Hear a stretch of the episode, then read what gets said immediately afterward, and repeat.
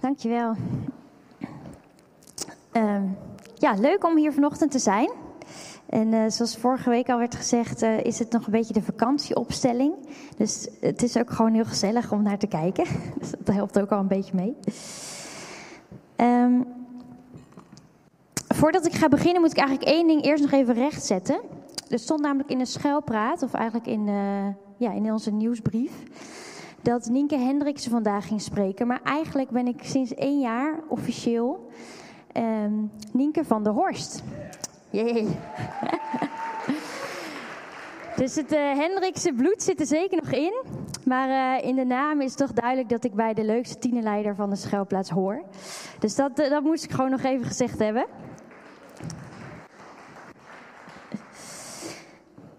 Um, ja, waarschijnlijk ben ik als uh, gezicht in ieder geval niet helemaal onbekend, maar uh, in deze rol uh, wel. Maar eigenlijk dus sinds ik uh, Jury ken, ben ik hier regelmatig geweest. En sinds twee jaar geleden, of sinds twee jaar ook ja, actief onderdeel van deze gemeente. Twee jaar geleden ook hier gedoopt. Dat is misschien uh, velen ontgaan omdat het in coronatijd was. En er is wel een uh, filmpje toen een keer uh, gedeeld. Maar ik kan me voorstellen dat dat dan ook nou ja, wat sneller verwatert. maar het is echt gebeurd. De beelden zijn er nog. En nou, wat ik ook nog gewoon als laatste als soort intro wou zeggen is... ehm, dat ik ontzettend dankbaar ben voor deze gemeente, voor deze familie waar ik me onderdeel van mag weten ik merk dat ik ontzettend uh, veel aan het ontdekken ben en aan het groeien ben uh, in geloof. En daar ben ik jullie gewoon dankbaar voor, omdat het uh, nou ja, samen met jullie daarin op mag trekken. Um, dus bedankt. Ik ga beginnen met een soort korte anekdote. En daarna ga ik samen met Janoa, die mag zo meteen al vast een beetje naar voren komen, ga ik een stuk voorlezen uit Johannes 4. Maar we beginnen eventjes zo'n tien jaar geleden.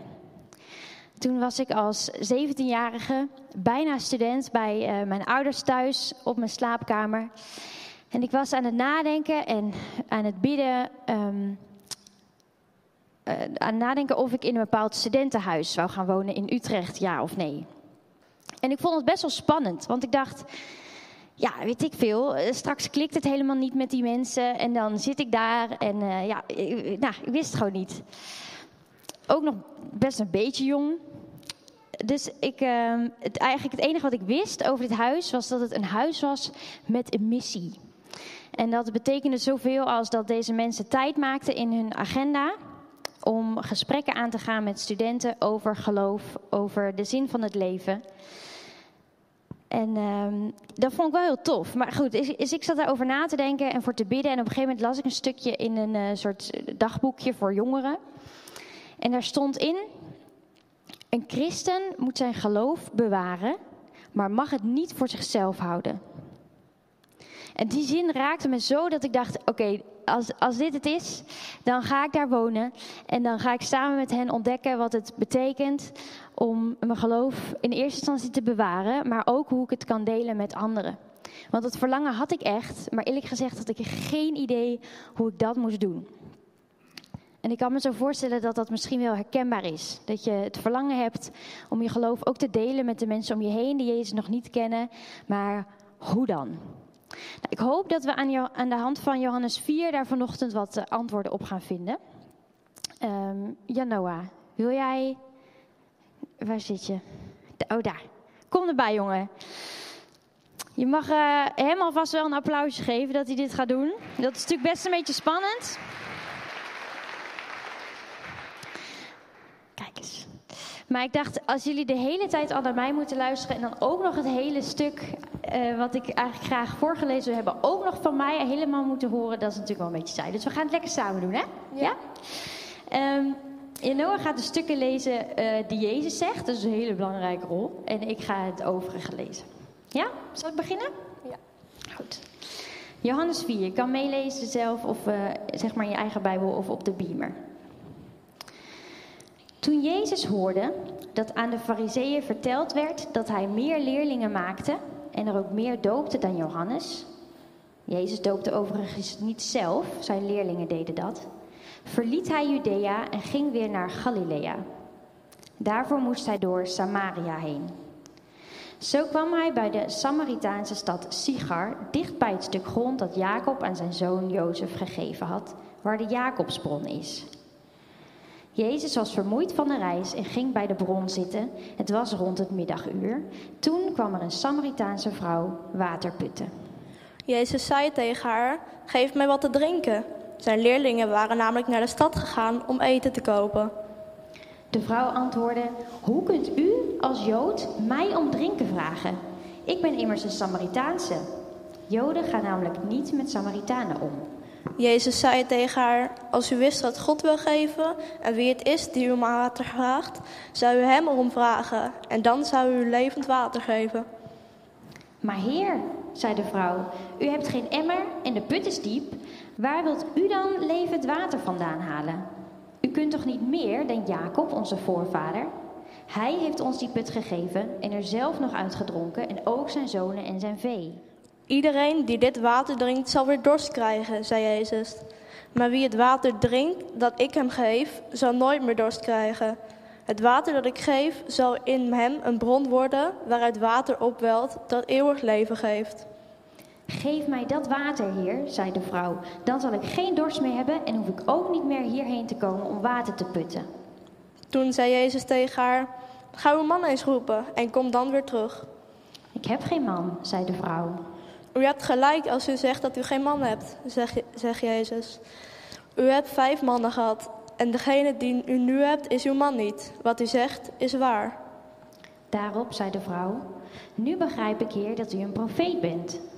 Onze voorouders vereerden God op deze berg. En bij u zegt men dat in Jeruzalem de plek is waar God vereerd moet worden. Geloof me, zei Jezus. Er komt een tijd dat jullie nog op deze berg, nog in Jeruzalem de Vader zullen aanbidden. Jullie weten niet wat je vereert, maar wij weten dat wel. De redding komt immers van de Joden. Maar er komt een tijd, en die tijd is nu gekomen, dat wie de Vader echt aanbidt, hem aanbidt in geest en in waarheid. De Vader zoekt mensen die hem zo aanbidden, want God is geest. Dus wie hem aanbidt, moet dat doen in geest en in waarheid. De vrouw zei: Ik weet wel dat de Messias zal komen. Dat betekent gezalfde. Wanneer hij komt, zal hij ons alles vertellen. Jezus zei tegen haar: Dat ben ik, degene die met u spreekt. Op dat moment kwamen zijn leerlingen terug en ze verbaasden zich erover dat hij met een vrouw in gesprek was. Toch vroeg niemand: Wat wilt u daarmee? Of waarom spreekt u met haar? De vrouw liet haar kruik staan, ging terug naar de stad en zei tegen de mensen daar: Kom mee, er is iemand die alles van mij weet. Zou dat niet de Messias zijn?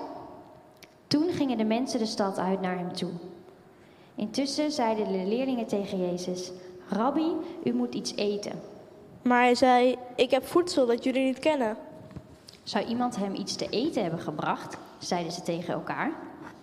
Maar Jezus zei: Mijn voedsel is de wil doen van Hem die mij gezonden heeft en zijn werk voltooien.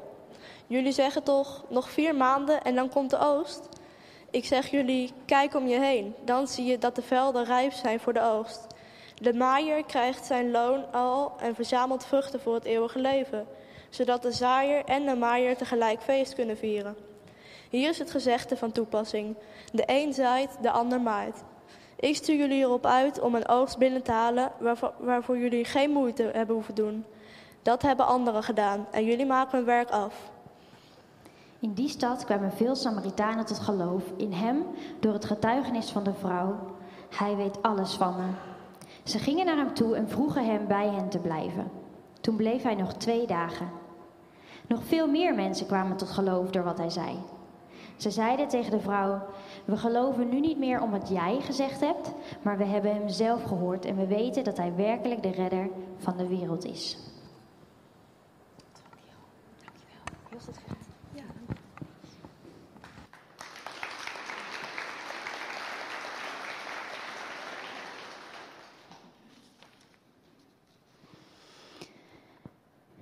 Ik wil graag met jullie een beetje door het verhaal heen lopen, om vervolgens uh, een paar praktische punten hopelijk uit te halen. Allereerst komt Jezus er dus achter dat de fariseeën wisten dat hij meer doopte en meer discipelen had dan Johannes dat had. En op de een of andere manier weet Jezus meteen, oké, dit gaat gedoe opleveren. En hij vertrekt vanuit het soort religieuze centrum, vanuit Judea naar Galilea, naar het noorden van Israël. En wellicht is dat voor de meesten van jullie wel bekend, maar ik ga het toch kort even zeggen. Uh, dat normaal gesproken wanneer een Jood van Judea, dus vanuit het zuiden naar Galilea, het noorden reisde, deed hij eigenlijk alles om de, de Samaritanen te ontlopen. Dus ze gingen vaak met een hele boog om Samaria heen, waar ze eigenlijk, als ze de kortste route zouden nemen, daar doorheen zouden komen.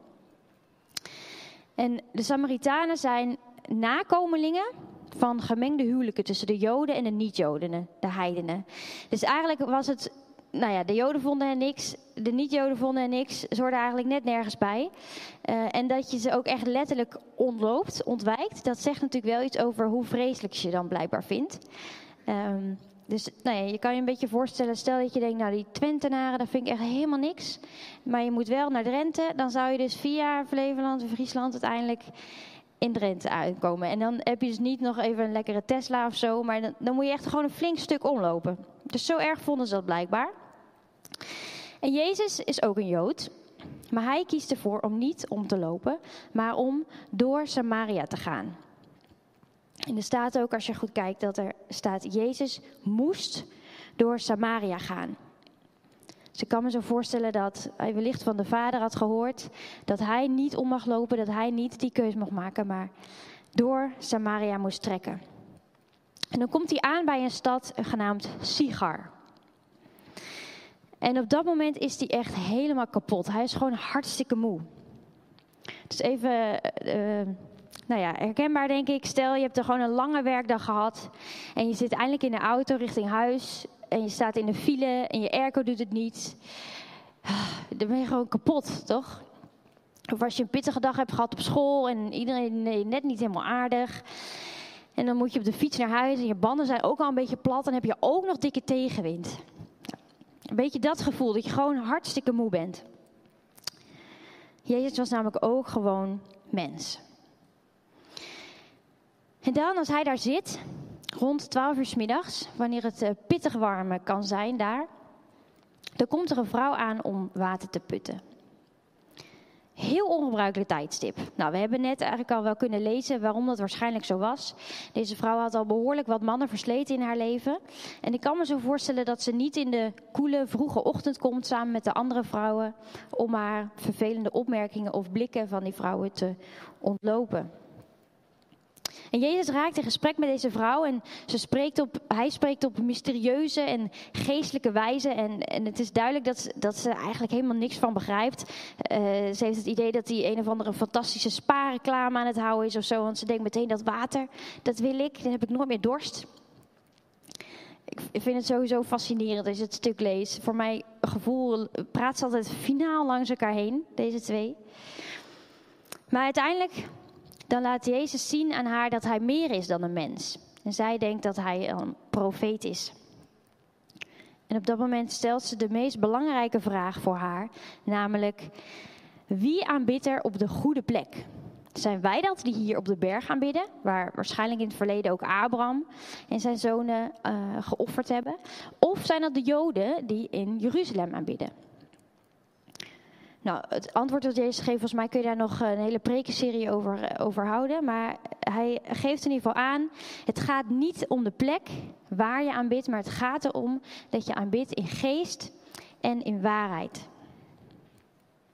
En hij openbaart zichzelf als de Messias. En op dat moment heeft deze vrouw genoeg gezien. En ze laat haar kruik staan en ze trekt een sprintje terug naar Sigar. En ze vertelt daar aan alle mensen: Deze man die weet alles over mij. Dat moet toch wel de Messias zijn? En ze zegt ook: Kom mee. Dus ze dropt niet alleen deze informatie, zo van, nou, dit heb ik lekker ontdekt. Maar ze nodigt ook actief uit. Kom met me mee om hem zelf ook te ontmoeten. En dan tussendoor, als die vrouw op een gegeven moment even weg is, dan komen de discipelen dus terug van boodschappen doen. En ze hebben Jezus nog eventjes in gesprek gezien met deze vrouw. En dan gaat Jezus iets uitleggen over oogst en over uh, ja, de tijd om te oogsten. Normaal gesproken zit er natuurlijk best wel tijd tussen, hè? ook geestelijk gezien, maar ook gewoon op aardse manieren, tussen het zaaien en het oogsten. Maar Jezus legt uit, nee, op dit moment, in deze situatie, hoef je niet meer lang te wachten. Andere mensen hebben het voorwerk al gedaan en jij mag oogsten. Jullie mogen gaan oogsten. En ik zie dat dan zo voor me, dat, dat Jezus dat dan met zijn discipelen heeft besproken. En als ze zijn uitgepraat, dat ze dan opkijken. En als waren die horden uit, Samar, uit Sigar al aanzien komen. Die Samaritanen die aankomen en klaar zijn om geoogst te worden. En op dat moment, op die dag en de dagen daarna, komen er vele Samaritanen tot geloof. En ze zeggen tegen die vrouw: We geloven nu niet meer om wat jij hebt gezegd, om jouw getuigenis. Maar we hebben nu zelf hem ontmoet en zelf ontdekt dat hij de redder van de wereld is. Ik wil graag drie soort praktische dingen eruit halen. En um, tegelijkertijd besef ik me ook dat het woord van God levend en krachtig is. Uh, dus wellicht heb je zelf weer hele andere punten die er voor jou uitspringen. Dus ik zou zeggen, vul die dan gerust daarbij aan. Het eerste ding is, breng tijd door met Jezus. Hoe ontdekte deze vrouw dat Jezus het levende water is? Dat Hij de Messias is? Simpelweg door tijd met Hem door te brengen, door bij Hem te zijn. Breng tijd door met Jezus. Op jouw plek, op jouw tijd, op jouw manier. Ik vind het bijvoorbeeld heerlijk om als ik eventjes het huis voor mij alleen heb. Het is niet super vaak gebeurd, maar soms wel. Dan vind ik het heerlijk om dan gewoon even op de bank te ploffen met de Bijbel op schoot. En uh, met God in gesprek te kunnen zijn in de wetenschap dat niemand mij kan storen op dat moment. Of door een, uh, een, lange wandeling te maken in het bos. En het liefst dan op een plek waar ik niet te veel uh, honden met hun baasjes tegenkom. Zodat ik gewoon ongestoord in gesprek kan zijn met wat God tegen mij te zeggen heeft. Als je dat nou lastig vindt, of om je eigen manier te ontdekken, of lastig vindt om dat vol te houden, um, weet dan dat dat heel normaal is, sowieso. En vraag elkaar ook om hulp. Uh, we zitten niet voor niks in kleine groepen, in buurschappen bij elkaar. Um, dus vraag elkaar gerust of zoek een buddy of zo op, waarmee je uh, elkaar als het ware stok, achter de deur kan zijn. Om, uh, om dit vol te houden, om regelmatig tijd met Jezus door te brengen. Het tweede is dat um, ik je uit wil nodigen, of uit wil dagen om erop uit te gaan. Deze vrouw, als ze erachter komt wie Jezus is, dan gaat ze niet weer lekker stiekem snel naar huis en dan in haar huisje met gesloten deuren genieten van het feit wat ze net allemaal heeft ontdekt.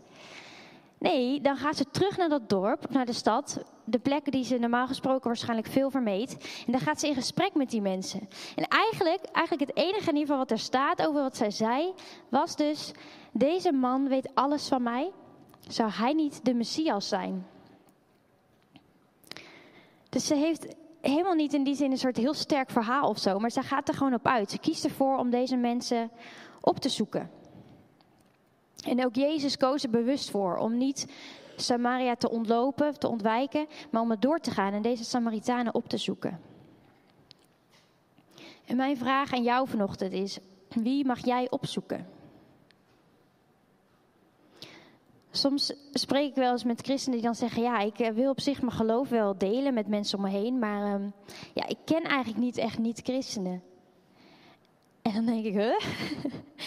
Hoe kan dat nou? Dus nou, als het voor jou geldt, als je het gevoel hebt dat je echt in zo'n christelijke bubbel zit, dan wil ik je echt uitnodigen. Kom er alsjeblieft uit. Je wordt er zelf niet beter van. Mensen om je heen worden er niet beter van. Het voelt misschien heel veilig en knus. Maar ik hoop echt dat we bewust zijn van het feit dat we een fantastische, een fantastisch aanbod hebben voor mensen die geen idee hebben dat dat klaar ligt. Toen ik net ging studeren, kwam ik bij een meisje in de klas, of meisje, jonge vrouw, student. Uh, en die had wat vragen aan mij over geloof. En, uh, en ik dacht, ja, geen idee waar ik moet beginnen. Maar goed, ik, ik wil wel delen, dus uh, kom maar op met je vragen. We hebben heel veel koffie gedronken, heel veel gepraat. En uiteindelijk koos zij ervoor om haar leven aan Jezus te geven. En voor mij was dat zo nieuw. Ehm, maar da- daardoor heb ik wel ontdekt dat, dat mensen niet per se altijd anti zijn of zo. Maar dat ze soms gewoon geen idee hebben wat er beschikbaar is. Wie Jezus werkelijk is en waar ze in feite nee tegen zeggen als ze niet voor Jezus kiezen. Ehm, ja, we hebben dus een fantastisch aanbod. Eh, ik, ik, hoop dat je me in die zin ook begrijpt dat ik niet van je vraag of van ons vraag dat we bij mensen um, hun leven binnenstappen om vervolgens het evangelie door een strot te duwen. Daar ben ik absoluut geen voorstander van. Uh, nou goed, ieder doet dat op zijn manier, maar, uh, maar gewoon vanuit relatie met mensen laten zien wie Jezus voor jou is en wie Jezus ook voor hen kan zijn. Dus als je nou in die christelijke bubbel zit en je denkt, hoe kom ik daar dan uit? Ga bij een sportclub uh, of een naaiclub. Volgens mij, ik weet niet of het nog steeds is, maar ze hebben hier zelfs een tijdje een uh, postzegelverzamelclub gehad. Dus voor ieder wat wils. Breng tijd door met Jezus. Ga erop uit. En nodig uit voor een ontmoeting met Jezus. Dat hoeft niet ingewikkeld te zijn. Wat ik al zei, het, verhaal van deze vrouw was niet heel sterk en theologisch onderbouwd en vanuit de boeken allemaal toegelicht. Kijk, als, als je iemand ontmoet die daar echt vraag naar heeft, tuurlijk, neem daar de tijd voor. Ga zitten, spreek af uh, onder het genot van een maaltijd of koffie. Maar het hoeft niet ingewikkeld te zijn. Deze vrouw laat simpelweg zien wie Jezus is voor haar en wie Jezus kan zijn voor hen. En ze nodigt hen dan ook daadwerkelijk uit: kom ook mee. Geloof niet op basis van mijn verhaal, maar kom en zie het voor jezelf. En dat kan bijvoorbeeld door gewoon kleine voorbeeldjes te noemen uit je dagelijks leven. Um, ik zou bijvoorbeeld uh, iets kunnen zeggen over, uh, nou, bijvoorbeeld over het verkeer. Misschien verwacht je dat wel, misschien niet, maar ik ben ongelooflijk ongeduldig als ik in de auto zit en je mag 80 en mensen rijden 75. Och, dan kookt het bijna van binnen. um, dus dan zou ik best tegen iemand kunnen zeggen als het daarover gaat. Van, uh, zo ja, ik, ik heb Jezus vandaag wel even gebeden om een beetje geduld, want dat kan ik wel gebruiken. Gewoon simpele voorbeelden uh, in het dagelijks leven waarin je kan laten zien dat Jezus realiteit is in jouw leven. En ook dan de uitnodiging neerleggen. Um, wat vind jij van Jezus? Of als je wel wat verder bent in een relatie met iemand, kom eens mee naar de kerk. Dus delen en uitnodigen. Niet sleuren, maar uitnodigen. Ik ga afronden met uh, de uitnodiging nogmaals om tijd door te brengen met Jezus. Dat als eerst. Ik, ik, denk dat God ervan geniet als we bezig zijn met hoe we ons geloof kunnen delen. Maar ik denk dat hij er nog veel meer van geniet als je allereerst Hem zelf opzoekt. En die ontmoeting met Jezus hebt. Deel wat er in je omgaat. Lees zijn woorden. En als je nou vandaag denkt, hé, hey, ik zou wel voor het eerst die ontmoeting willen hebben met Jezus. Um, dan mag je ook straks naar voren komen om, om samen met iemand te bidden. Of als je bij iemand aan tafel zit, uh, van wie je denkt, uh, die heeft ook een aardig gezicht, die wil ik vragen om te bidden, mag dat natuurlijk ook. Maar het is goed om dat, om dat uit te spreken en dat met elkaar te doen. Ik wil afsluiten met een gebed. Uh, misschien kan de band dan ondertussen alvast naar voren komen. En als je denkt, hé, ik ben het met die woorden eens, dan mag je ze of hardop of in je gedachten met me meebidden. Jezus, ik verlang naar een ontmoeting met U. Elke keer weer opnieuw. Help mij om te verstillen, zodat ik U kan verstaan met de hulp van uw geest. Laat mij zien met welke mensen ik mag delen over mijn ontmoetingen met u. En geef me de moed om dat te doen. Het is mijn verlangen dat mensen in mijn omgeving zelf een ontmoeting met u zullen hebben. Voor het eerst of opnieuw. Vader, ik wil deze mensen die hier vanochtend zijn, of die op een later moment meekijken, zegenen met die ontmoeting met U. En ik weet dat als we een, uh, een zomerperiode ingaan, waarin velen van ons vakantie zullen hebben, dat we ervoor kiezen om tijd vrij te maken om die met u door te brengen. En help ons om daar vervolgens ook over te delen met de mensen in onze omgeving. Dank u wel dat u ons als eerst heeft opgezocht, zelfs toen we nog vijanden van u waren. Heer, we houden van u. Amen.